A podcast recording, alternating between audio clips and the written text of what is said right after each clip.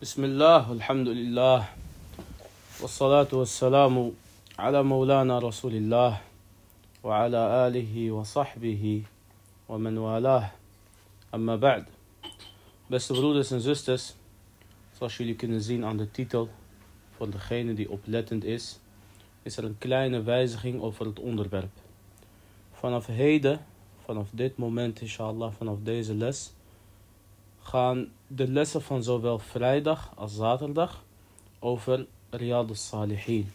De tuinen der oprechte min kalami Rasulillah sallallahu alayhi wa sallam Sayyid al-Arifin.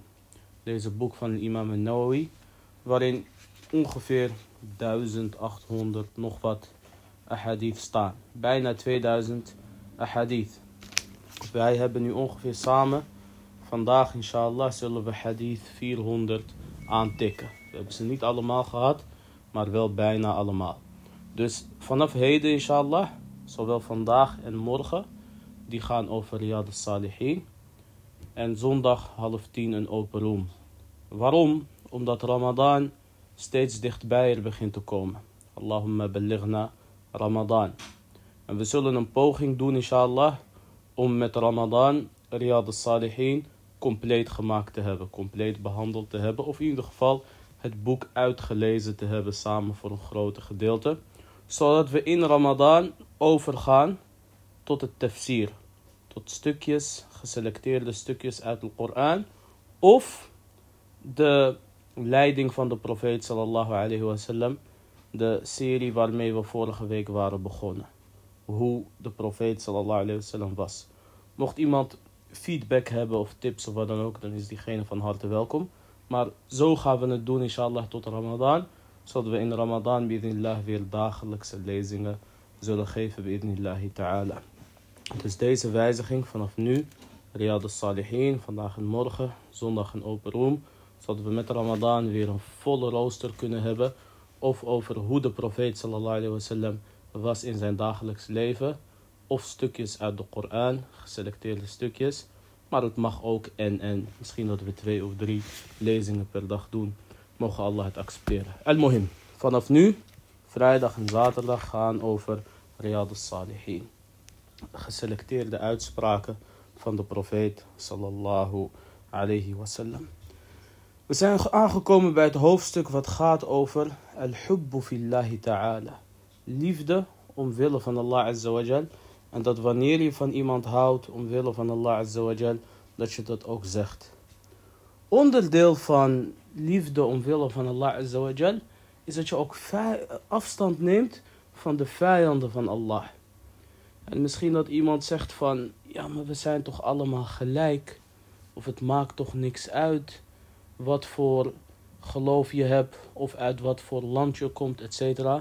Dan zeg ik tegen diegene, helaas droom verder, maar het maakt wel wat uit. Ze zeggen bijvoorbeeld, alle mensen zijn gelijk, ongeacht waar je vandaan komt. Dat is niet waar.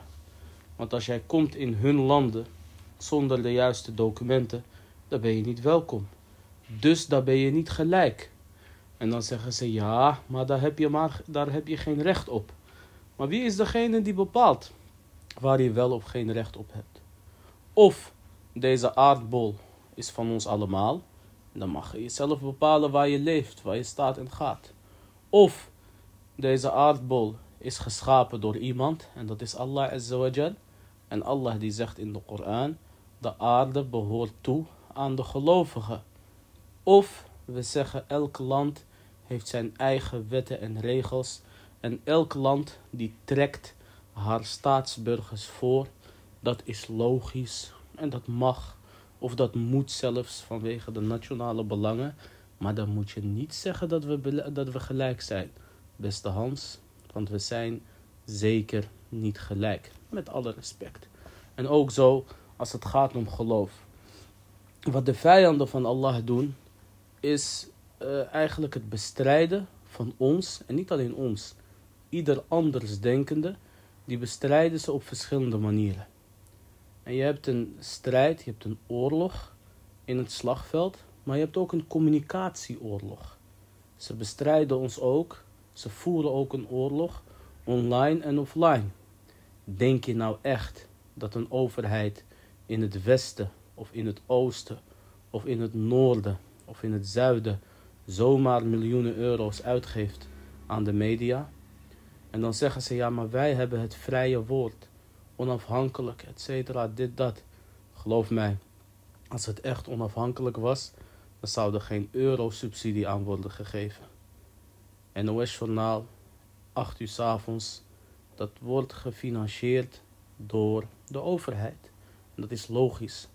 Maar de hand die je te eten geeft, daar ga je niet in bijten. Althans, niet heel hard.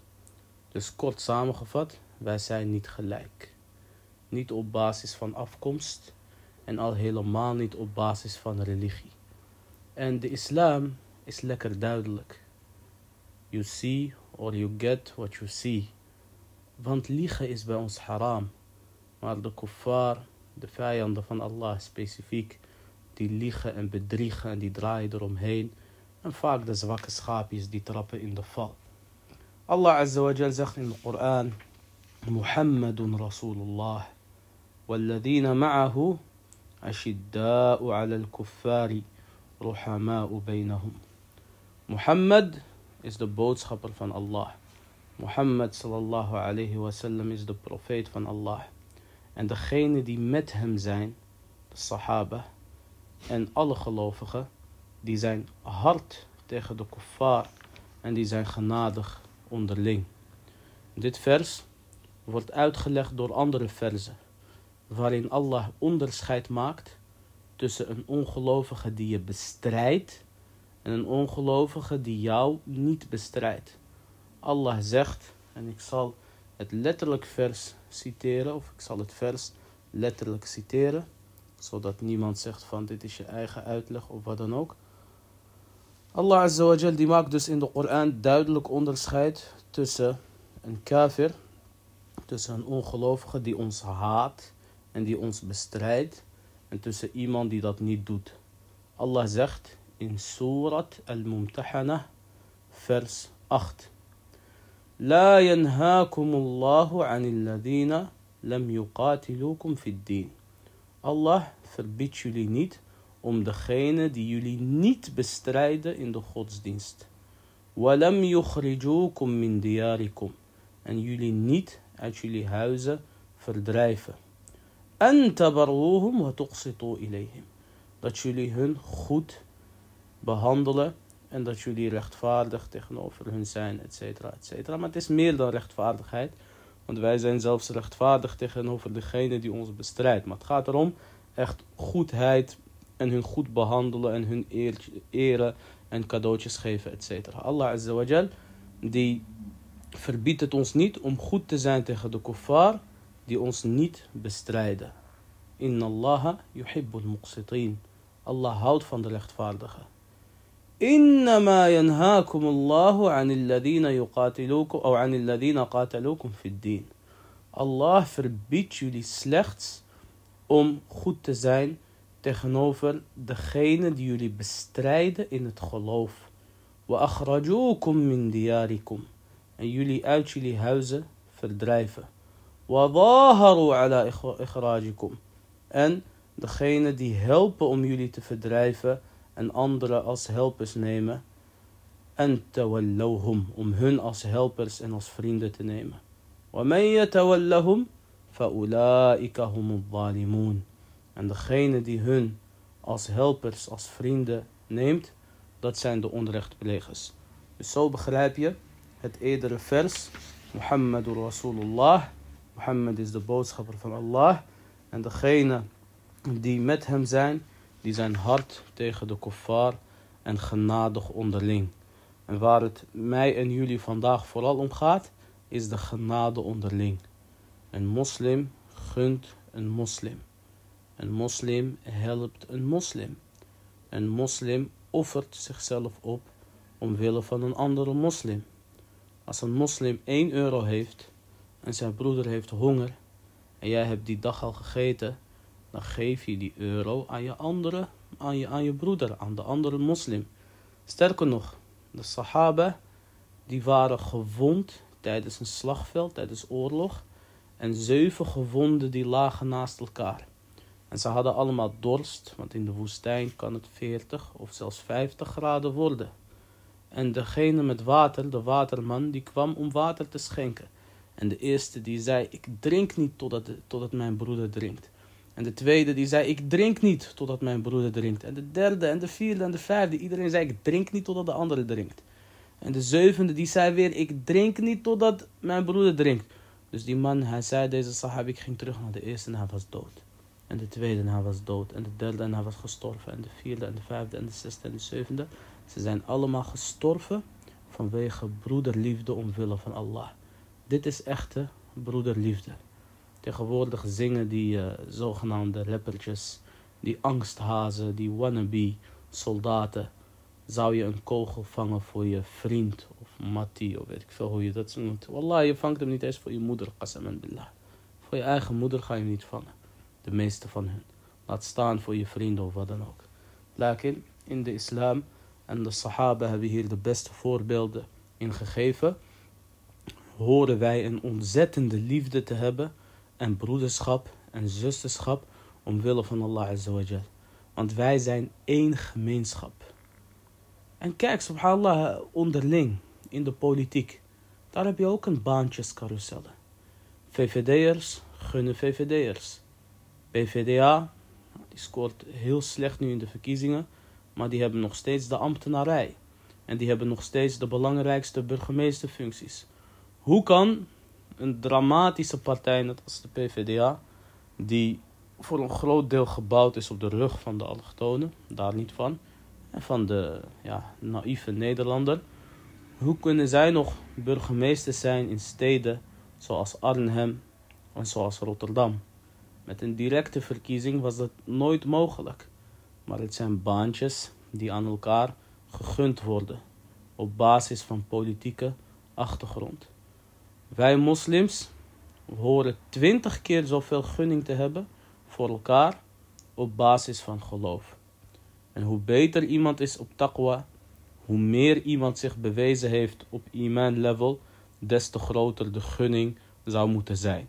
Maar elke moslim heeft van ons recht op onderdak, op eten en op kleren en het lossen, oplossen van zijn problemen. Dus wanneer een operatie betaald moet worden of wat dan ook, dan zouden wij dit moslims samen moeten doen. En wij zouden instanties moeten hebben die, wij, die dit zouden beheren.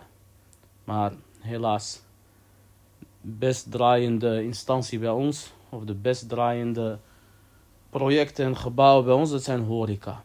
Eten en slapen. Dat is wat de gemiddelde moslim wil. Uit eten, restaurants, cafés, bioscoop. Allah alam of het halal of haram is. En de moskee, dat is voor de oude mensen. Umar radiallahu hij zou juist de jonge mensen om zich heen willen. En de islam is gedragen door de jongeren in de tijd van Mohammed sallallahu alayhi wasallam. De meeste van de sahaba die waren jonge lui maar dat waren sterke mensen, soldaten in het slagveld. En als er vrede was, waren zij vrome aanbidders in de nacht, wanneer anderen aan het slapen waren. فإنا lillahi wa inna ilayhi raji'un. En mohim, liefde omwille van Allah en elkaar gunnen omwille van Allah, ongeacht afkomst of huidskleur of wat dan ook. Dat is belangrijk bij Allah Azawajal. Het enige wat telt is je geloof en je godsvrucht.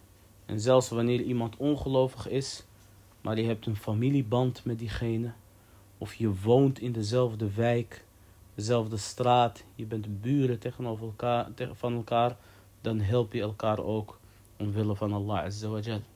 En deze gemeenschapszin en deze liefde onderling die wordt steeds meer uit elkaar gerukt.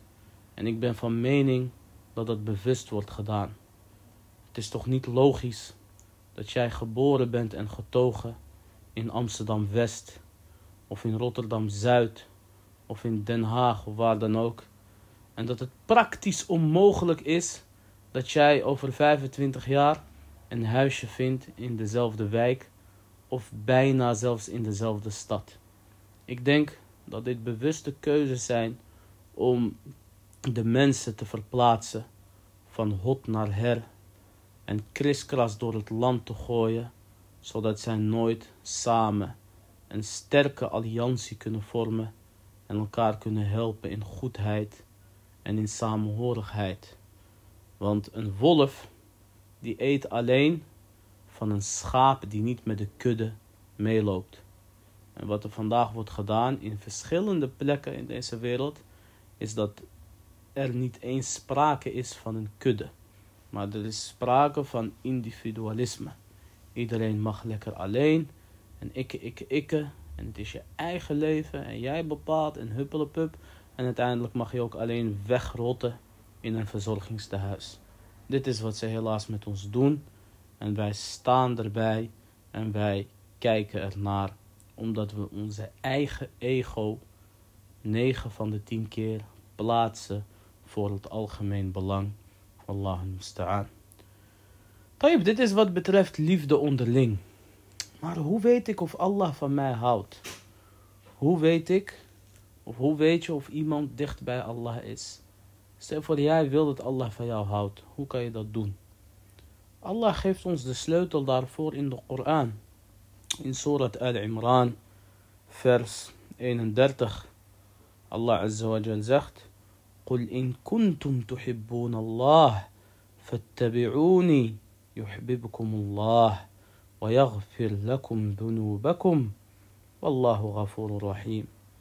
الله زخت زخ أو محمد أشولي هاود فان الله فولخت ميدان. يعني فولخت محمد صلى الله عليه وسلم دان. يحب يحببكم الله صدت الله فيولي دان خط هاود ويغفر لكم ذنوبكم. عندما ظل الله يلي زوند في الخيفة. Wallahu ghafur rahim. En Allah is genadevol, vergevingsgezind. Dus hoe meer jij de sunnah van de profeet sallallahu alayhi wasallam volgt, des te meer Allah van jou gaat houden. En dit is ook een van de bewijzen dat de Koran alleen niet voldoende is. Maar je moet ook de uitspraken van de profeet sallallahu alaihi wasallam volgen. Dit is een weerlegging op een bepaalde type hypocrieten die zeggen van ja, wij nemen alleen de Koran. Wat hij eigenlijk wil zeggen is, ik ben geen moslim meer en ik doe waar ik zin in heb. Lekker, dat, dat kan hij niet zeggen, dat moet hij camoufleren. En dat doen ze dus door een van de bronnen van de islam weg te halen. En dan zeggen ze, ik neem alleen de Koran. Dat is goed, neem alleen de Koran. In de Koran staat dat jij Mohammed moet volgen. Sallallahu alayhi wasallam. En er staat niet hoeveel raka'at of dhuhr en asr of maghrib en isha is. Dus waarom bid je dat zo? Hij zegt, ja, dat hebben we van elkaar geërfd. Hebben ook een sunnah, hebben we ook geërfd. Ik heb hem niet verzonnen, ik tover hem niet uit mijn broekzak. Het zijn manuscripten die al duizenden jaren oud zijn. En een aantal ahadith waarover de umma consensus heeft. Laat de zwakke ahadith. Laat de hadith waarover je twijfelt. Ik kom voor jou met een hadith die dezelfde isnad heeft net als de Koran dezelfde ketting, dezelfde keten net als de Koran. Waarom zou je de Koran wel accepteren en de hadith niet? Daar is maar één reden voor. En dat is omdat je een huigelaar bent. En iemand die de islam van binnen kapot wil maken. Lakin, dat gaat niet lukken. Zolang de zon bestaat. En zolang dag en nacht bestaan. En Allah Azza die zegt ook in de Koran. Dit vind ik persoonlijk een van de mooiste ayat. Surah al-Ma'ida, vers 54. Allah Azza zegt. Ja, ayyuhalladina amanu. من يرتد منكم عن دينه فسوف يأتي الله بقوم يحبهم ويحبونه. O jullie die gelovigen. Degene die ongelovig van jullie wordt, Allah zal komen met een ander volk. Zij houden van hem en hij houdt van hun. En Allah vertelt ook over hun dat zij zullen strijden omwille van Allah. en kritiek kan hun niks schelen, et cetera, et cetera. Wat we moeten begrijpen, beste broeders en zusters, is dat de islam ons niet nodig heeft. Voel jezelf vooral niet te belangrijk. Wij zijn pionnen van Allah. En wij zijn slaven van Allah. En wij leven omwille van Allah. En we laten omwille van Allah in de hoop dat Allah van ons gaat houden en dat hij ons het paradijs schenkt. Wil je geen moslim meer zijn? Ja, ik zou zeggen, doe er een strik omheen en ja, gooi jezelf van een gebouw af. Pleeg euthanasie, kijk wat je gaat doen. Als je echt niet wil. Hè, dat is natuurlijk niet de bedoeling, maar stel voor je wil echt niet. Je bent vrij. Al leef je in Saudi-Arabië, al leef je in Verwegistan, al leef je onder de Taliban. Als jij geen moslim wil worden in je hart, niemand kan jou dwingen om moslim te zijn. Want uiteindelijk kan je wel doen alsof, maar het is jouw keus. Maar weet wel dat Allah tegen jou zegt in de Koran, hij heeft jou niet nodig. Allah heeft ons niet nodig. Wij hebben hem nodig. Subhanahu wa ta'ala. En als wij afstappen van het geloof, dan zegt Allah dat hij met een ander volk zal komen. Een volk waarvan jij niet eens weet dat ze bestaan. En zij houden van Allah en Allah die houdt van hen. Toen de Arabieren wat zwakker werden in hun geloof, heeft Allah imam al-Bukhari gestuurd en imam Muslim en het Tirmidhi en een Nasa'i. Dat zijn allemaal geen Arabieren. Dat zijn allemaal geen Arabieren. Maar die hebben de islam geholpen op zo'n grote manier die geen enkele Arabier heeft gedaan. En zij kwamen uit het verre oosten, een plek die net tot de islam bekeerd was. Al-Bukhari, zijn volledige naam is Mohammed ibn Ismail ibn Ibrahim ibn al-Mughira ibn Bardizbah. Bardizbah is geen islamitische naam. En zijn opa, of een van zijn opa's, die is dus bekeerd.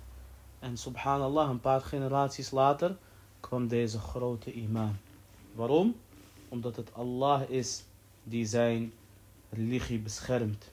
En wij zijn slechts slaven omwille van Allah. Die leven omwille van Allah. En die sterven omwille van Allah. Althans, zo horen we te zijn. Maar de meeste mensen vandaag de dag, die hebben geen principes of karakter of idealen meer. Wallah musta'an. Het enige wat hun boeit is hunzelf of hun banksaldo. Mogen Allah ons alle leiden. Natuurlijk zijn er ook goede mensen, maar die zie je vaak niet.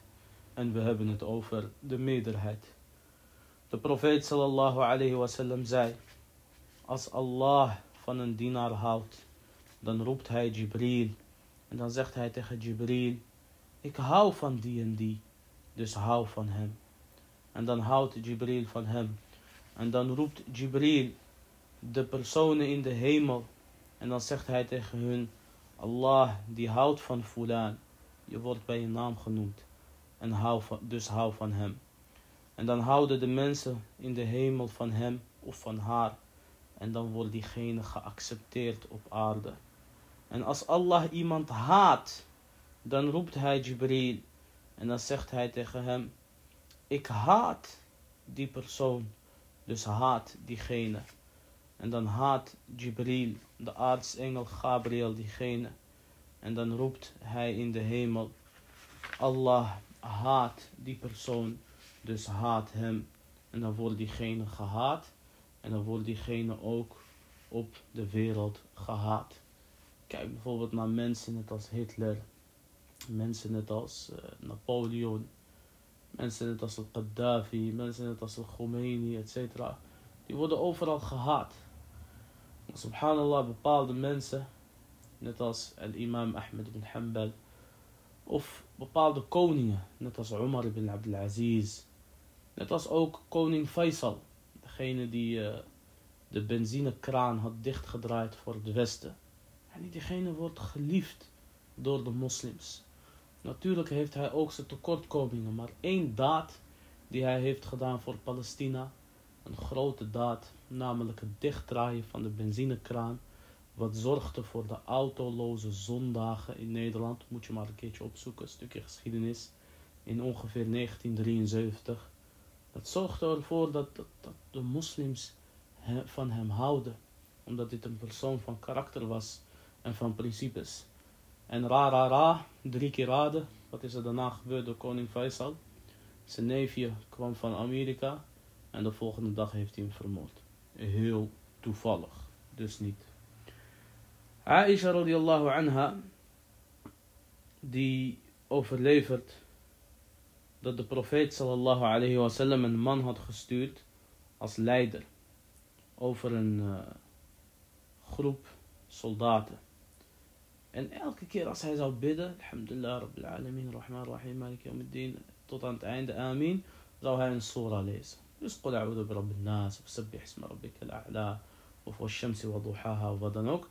Maar hij zou geen ruku' doen, totdat hij afsluit met Qul huwallahu ahad, Allahu samad, lam yalid wa lam yulad, wa lam yakul lahu kufuwan ahad. En dat was best wel raar. Want normaal lees je gewoon Fatiha en een surah en that's it. Maar deze man elke keer nog Qul huwallahu ahad achteraan. Dus hij vertelde dit aan de profeet sallallahu alayhi wa sallam. De hadith staat in Bukhari en Muslim.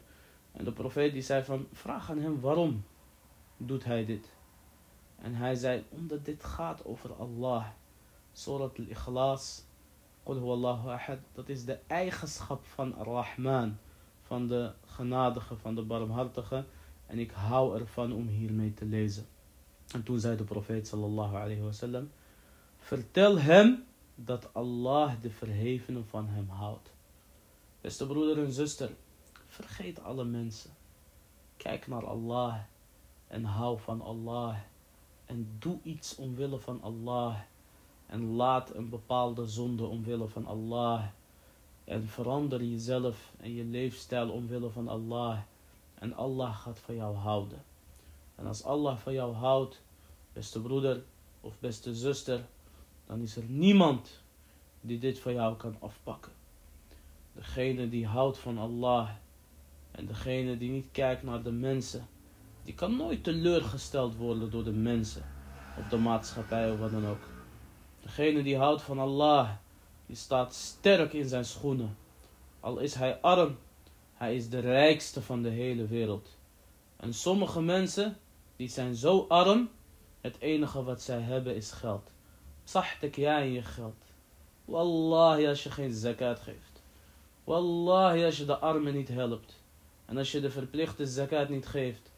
Op Yom al-Qiyamah, op de dag des oordeels, die goud en zilver die je hebt, wat je onder je kussen hebt gestopt of in je, in je kluis, dat wordt gesmolten en dat wordt op je rug en op je lichaam gegooid. Dat is de straf die je gaat krijgen met je geld. Dus kijk naar Allah en leef voor Allah en laat leven voor Allah. En niemand kan je maken of breken. Wat voor verslaving je ook hebt gehad Wat voor trauma je ook hebt gehad. Zoek je liefde bij Allah. Zoek je genezing bij Allah. Zoek je hulp bij Allah. En zoek je sterkte bij Allah. Als jij Allah aan jouw kant hebt, dan heb jij iemand aan jouw kant die nooit verslagen kan worden. Subhanahu wa ta'ala. ذلك بأن الله مولى الذين آمنوا وأن الكافرين لا مولى لهم. Dat omdat Allah de beschermer is van degenen die geloven. En de kuffar, die hebben geen beschermer. Ben je nou echt onder indruk van het macht van de Westen? morgen vecht de Verenigde Staten tegen Rusland. Of China tegen Europa. Of er komt een nieuwe Hitler of wat dan ook. En ze maken elkaar kapot. Morgen zegt Allah Azza wa of overmorgen kun fayakun. En elektriciteit doet het niet meer. En second, die Europeanen hebben een vergrijzingstekort. En ze baren niet genoeg kinderen. En ze worden letterlijk opgegeten door de, wat voor volk dan ook. Al zijn het de Zulus, wal billah. Fa, niks is vergezocht voor Allah Azza wa Jal. En nogmaals, als jij Allah aan jouw kant hebt, al word je vermoord, al word je verkracht, al word je in de cel gegooid. Je hebt Allah aan je kant. Je sterft en dan wordt tegen jou gezegd, kom naar het paradijs. Udkhuluha bisalamin aminin. Treed het paradijs vredig binnen. Het paradijs, beste broeders en zusters, onze echte thuis, onze echte thuisplaats. Dus ik roep een ieder op, degene die een bepaalde zonde heeft, die hij openlijk doet, of stiekem tussen hem en Allah. Degene die veel scheldt en anderen last en anderen kapot maakt, etc. Toon berouw aan Allah Degene die iemand onrecht heeft aangedaan, of iets heeft afgepakt van een ander of wat dan ook, toon berouw aan Allah Azza Degene die lachgas gebruikt, degene die drugs gebruikt, toon berouw aan Allah Azza Tot wanneer, beste broeders en zusters? Eind januari, dan zal er weer een nieuwe serie komen. die mokro, mafia, onzin of wat dan ook. Dit is letterlijk iets waarmee ons geloof wordt bespot, indirect, en waarmee direct de Marokkaanse gemeenschap en nu ook de Turkse gemeenschap wordt bespot. daar kunnen we lang over praten, maar dat is toch iets wat we zelf hebben gedaan. Maar het zijn geen Chinezen die je ziet in die serie. Dat komt omdat sommigen van ons oververtegenwoordigd zijn in deze zaken. En je bent een moslim en je weet dat het haram is. En tegelijkertijd is het ook een schande dat bepaalde mensen hiermee aan de haal gaan zonder enige vorm van eer of principe. Maar ja, wat verwacht je anders van een of andere Ahmed al-Akabi die homoseksueel speelde in een andere serie? Wallah al-musta'an. Verraders van de ummah en verraders van de Marokkaanse gemeenschap. Dat is wat het in mijn ogen zijn. Ala kulli hal, Allah Azza wa Jal die waarschuwt, ook in de Koran, om de moslims en vooral de zwakkeren lastig te vallen. Bepaalde mensen die durven alleen maar tegen de slappelingen, tegen de armen, tegen de, iemand die niet voor zichzelf kan opkomen, tegen een zuster die bekeerd is, of eentje die geen vijf broers heeft en veertig neven. En Allah Azza waarschuwt in de Koran tegen onrecht en vooral onrecht tegen de zwakke moslims. Allah zegt in de Koran: فَأَمَّا الْيَتِيمَ فَلَا تَقْهَرْ وَأَمَّا السَّائِلَ فَلَا تَنْهَرْ Allah zegt wat betreft de weeskind, fala takhar. Wat is takhar? Takhar is, zoals ze gewoon zeggen in Darija, in het Marokkaans, met qahrosh. Yani iemand is een weeskind, kom niet met je nieuwste iPhone of met je nieuwe schoenen of wat dan ook. En je vernedert die weeskind omdat diegene geen vader en moeder heeft om dat voor hem te kopen. Dus een kahar is een vorm van vernedering. Wat betreft de weeskind, verneder de weeskind niet. Of het nou direct is of indirect. En wat betreft de bedelaar, degene die komt vragen, snauw hem niet af.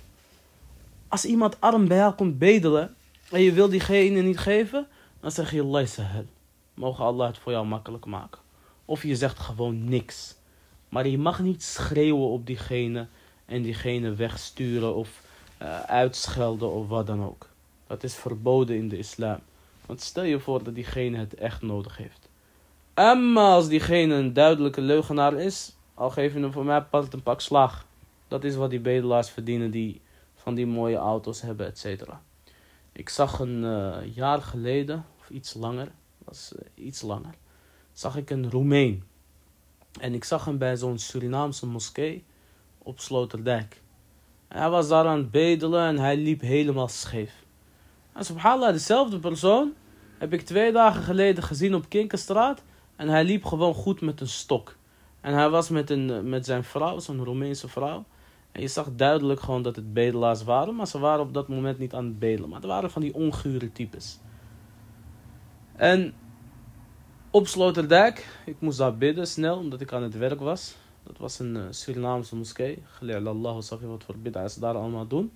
Lakin, ik zag hem daar helemaal schots en scheef lopen en hij was aan het bedelen. En hij was een leugenaar. Dus zo iemand moet je aanpakken en wegsturen, verbaal aanpakken. En dat is ook wat we op dat moment hadden gedaan. Lakin, als iemand een bedelaar is en zijn status is onbekend, snauw hem niet af. Wil je geven, geef. En wil je niet geven, laat diegene gewoon gaan. En subhanallah, het beste wat je kan geven aan een bedelaar deze tijd is eten of kleding. Of je betaalt zo'n hostel voor hem. Drie dagen, weet je, dan kan diegene vooruit. En op een gegeven moment wordt vanzelf wel duidelijk, is diegene eerlijk of niet. Maar geld zou ik echt alleen geven aan iemand die gehandicapt is. Of iemand die een operatie nodig heeft of wat dan ook. Soms zie je iemand van 20, 30, 40, mashallah, spierbundels. En diegene bedelt om geld. We staan allemaal op in de ochtend en we gaan naar buiten om te werken om geld te verdienen. Dus geld zou ik niet geven, maar voedsel, drinken, kleren, een douche, een hostel betalen of desnoods een kamer huren of wat dan ook. Dat zijn dingen die ik zeker wel aanraad om te doen. En dan heb ik het over Nederland in het specifiek. De profeet sallallahu alayhi wasallam die zei tegen Abu Bakr toen hij ruzie had met bepaalde sahaba. Ja Abu Bakr, la in kunta aghdabtahum laqad aghdabta rabbak. Overgeleverd door imam Muslim. De profeet sallallahu alayhi wasallam zei. O Abu Bakr, als jij hun boos hebt gemaakt, dan heb jij Allah boos gemaakt. Dus sommige zwakke mensen, die zijn zo geliefd bij Allah azawajal, omdat ze zo eerlijk zijn en schone intenties hebben. Als je ruzie met hun maakt en als je hun boos maakt, kan het zijn alsof je Allah hebt boos gemaakt. Dus pas hiervoor op, barakallahu fikum. Want Allah houdt van de zwakkeren. En Allah houdt van de arme mensen. En daarom zei de profeet sallallahu alayhi wasallam in de hadith: Wa as'aluka hubbal masakin. O Allah, ik vraag u liefde voor de armen. Een moslim houdt van de armen. Subhanallah, hun woorden zijn schoon, hun verhalen zijn schoon. Als je met hun zit, je gaat alleen maar zonnepitten met hun eten. En je hoort alleen maar leuke grapjes, etc.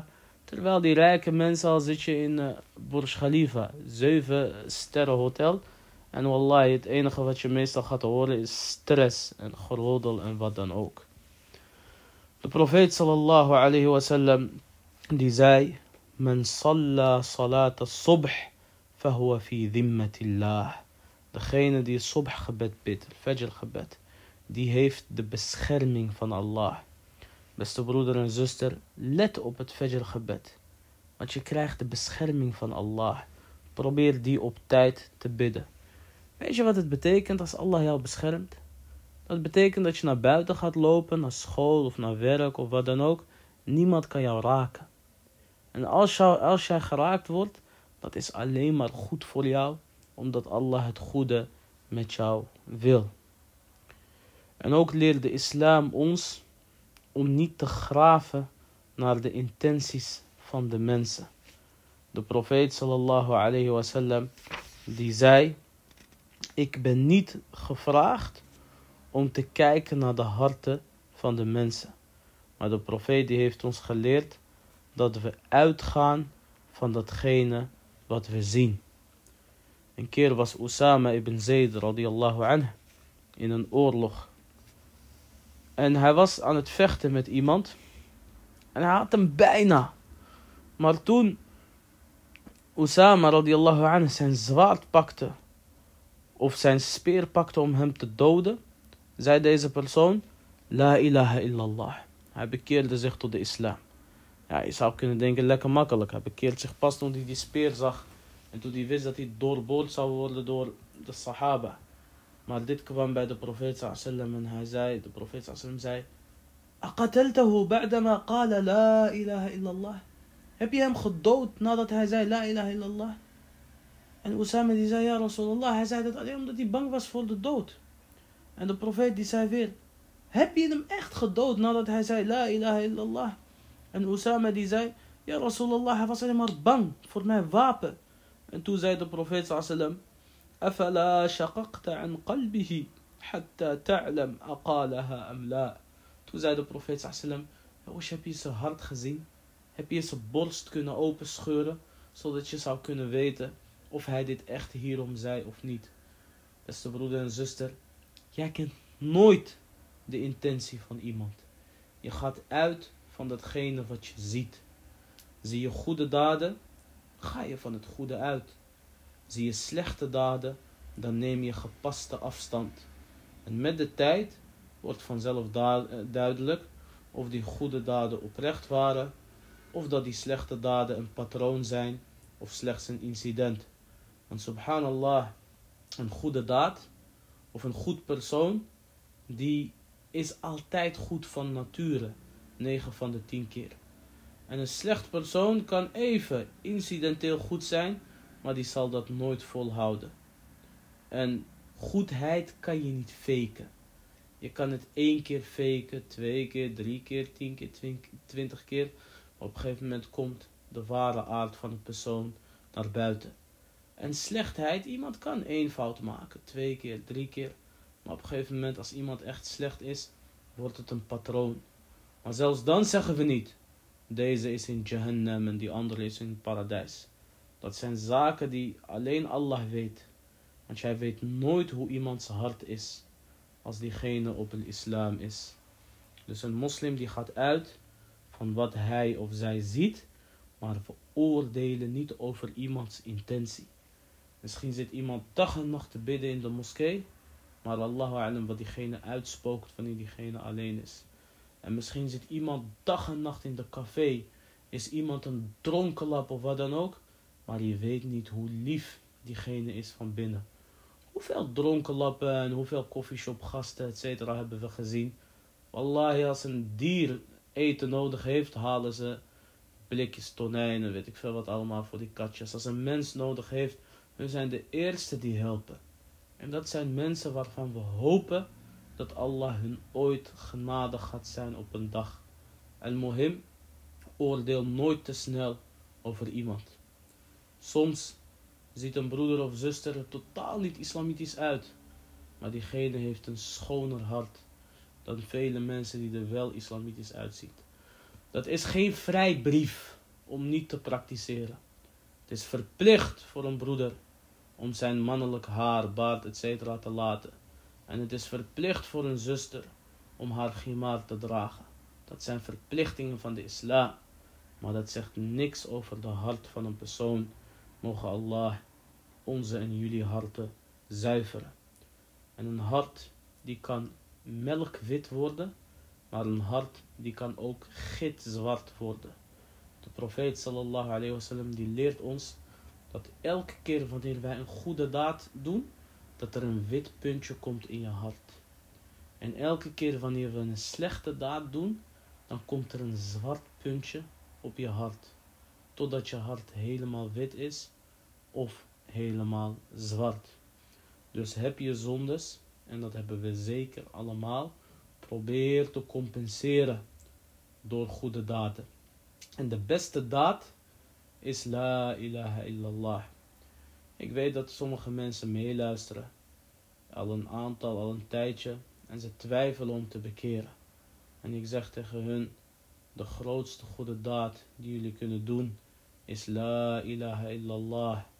Dus zeg La ilaha illallah en bevrijd jezelf van het helle vuur, want dat is de grootste, beste daad die een persoon kan doen. Mogen Allah mij en jullie het goede schenken. Een van de zaken wat ook belangrijk is, is dat je natuurlijk hoopt op de genade van Allah, maar je moet ook bang zijn voor Allah. Je moet ook begrijpen dat Allah Azza ons elk moment kan aanpakken als hij dat wil subhanahu wa ta'ala. En Allah zegt dat ook in de Koran. Wa iyaya farhaboon. En wees bang van mij. Je moet hoop hebben op de genade van Allah. Maar je moet ook angstig zijn voor de bestraffing van Allah. Want als je te veel hoop hebt, dan ga je denken van ja, Allah gaat mij toch vergeven. Dus al doe ik deze zonde, Allah gaat mij toch vergeven. Nee, je moet bang zijn dat Allah je laat sterven op het moment dat jij zondig bent. En als je eindigt terwijl je een zonde aan het verrichten bent, dan heb je echt een groot probleem. Wal'iyadu billah. De profeet sallallahu alayhi wasallam die zei, zoals staat in uh, Sahih Muslim, Yu'ta bi Jahannam. Het helle vuur wordt gebracht op de dag des oordeels.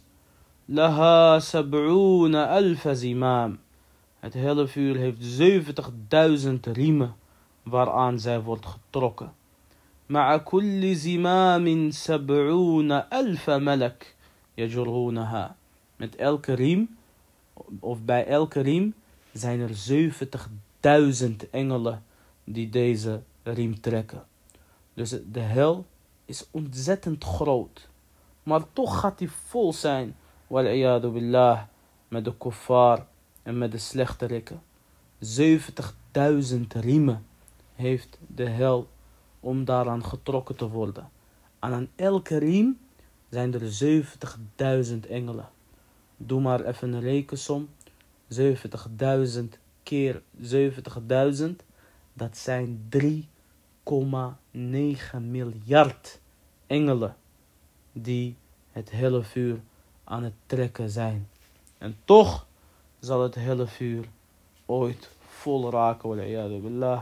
En dat is niet zo raar als je ziet hoeveel mensen verkeerd bezig zijn. Billah. En de minste bestraffing in het hele vuur, zegt de profeet sallallahu alayhi wasallam, dat is voor een man die met zijn blote voeten op twee kolen wordt gezet, waardoor zijn hersenen koken.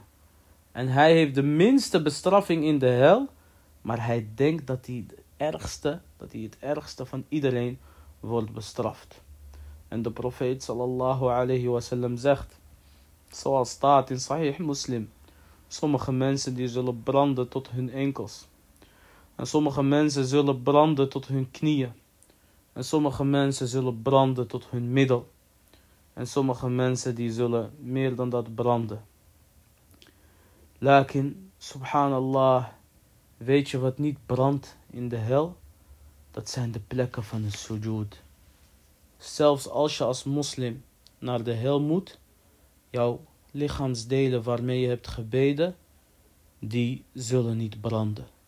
Je gezicht, je handen, je voeten, etc. Die zullen niet branden. Waarom? Omdat je daarmee Allah hebt aanbeden. Maar dan moet je wel bidden, beste broeder en zuster. En ook de plekken van wudu, die zullen niet geraakt worden door het hele vuur. Dus de hel, die wordt gesleept door 70.000 riemen. En aan elke riem zijn 70.000 engelen.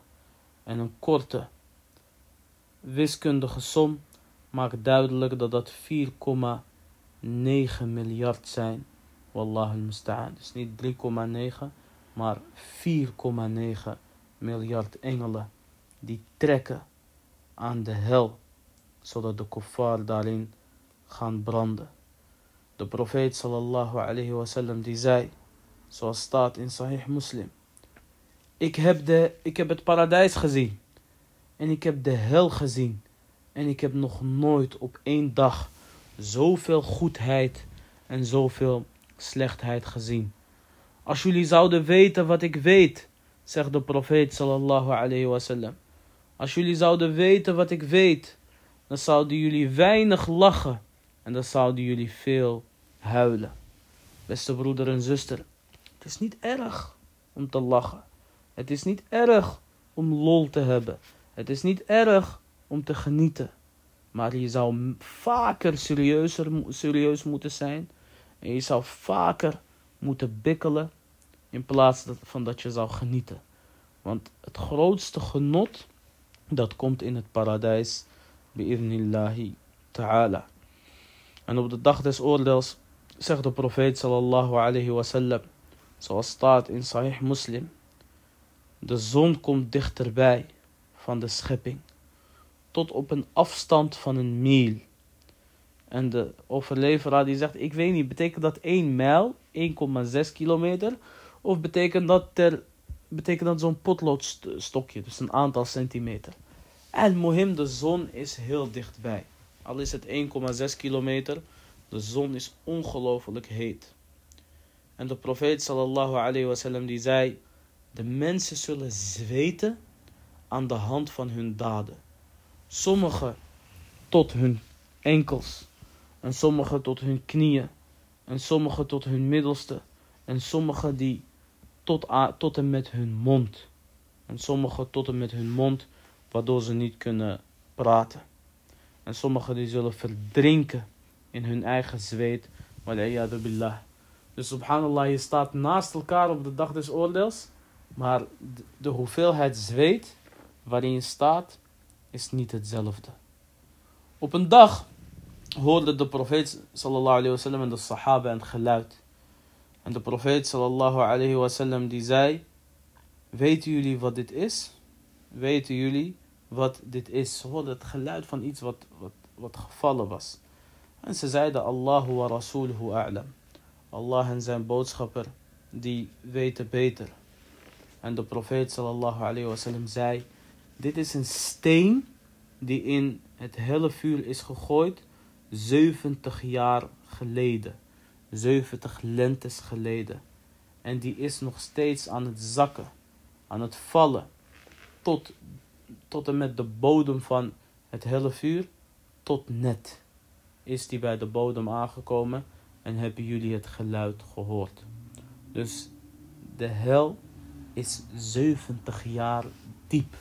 Als je een steen erin zou gooien van boven naar beneden, zou het 70 jaar lang duren voordat de bodem was bereikt. En subhanallah, de bodem van de hel, dat is voor de farao, dat is voor Abu Jahl, dat is voor de grote criminelen. Dus pas op dat je tot hun behoort. En dan zou je helemaal boven in de hel zijn. Dat nog zouden je hersens koken en je bloed zou koken. En je had zoveel pijn, totdat je zou denken dat niemand erger dan jou kan zijn. Terwijl jij de minste pijn hebt in de hel. billah. Dus pas op voor het hele vuur. En werk voor het paradijs. Alhamdulillah, tegenwoordig. Je hebt genoeg lezingen online. Koran-vertalingen, hadith. Duizenden audio's van Ibn Baz, Ibn Uthaymin, Al-Albani. Boeken van Ibn Kathir, Ibn Al-Qayyim. Sahih Bukhari, Muslim, Riyad al-Salihin. Alles staat online. Op zijn minst een uurtje per dag. Niemand hoeft ervan te weten. Bikkel en doe je best omwille van Allah Azza wa Jal. Mogen Allah ons allemaal leiden en ons allemaal vergeven. Morgen inshallah om half tien gaan we door met dezelfde les. هذا والله أعلم وصلى الله وسلم على نبينا محمد وعلى آله وصحبه أجمعين والسلام عليكم ورحمة الله وبركاته. وآخر دعوانا أن الحمد لله رب العالمين.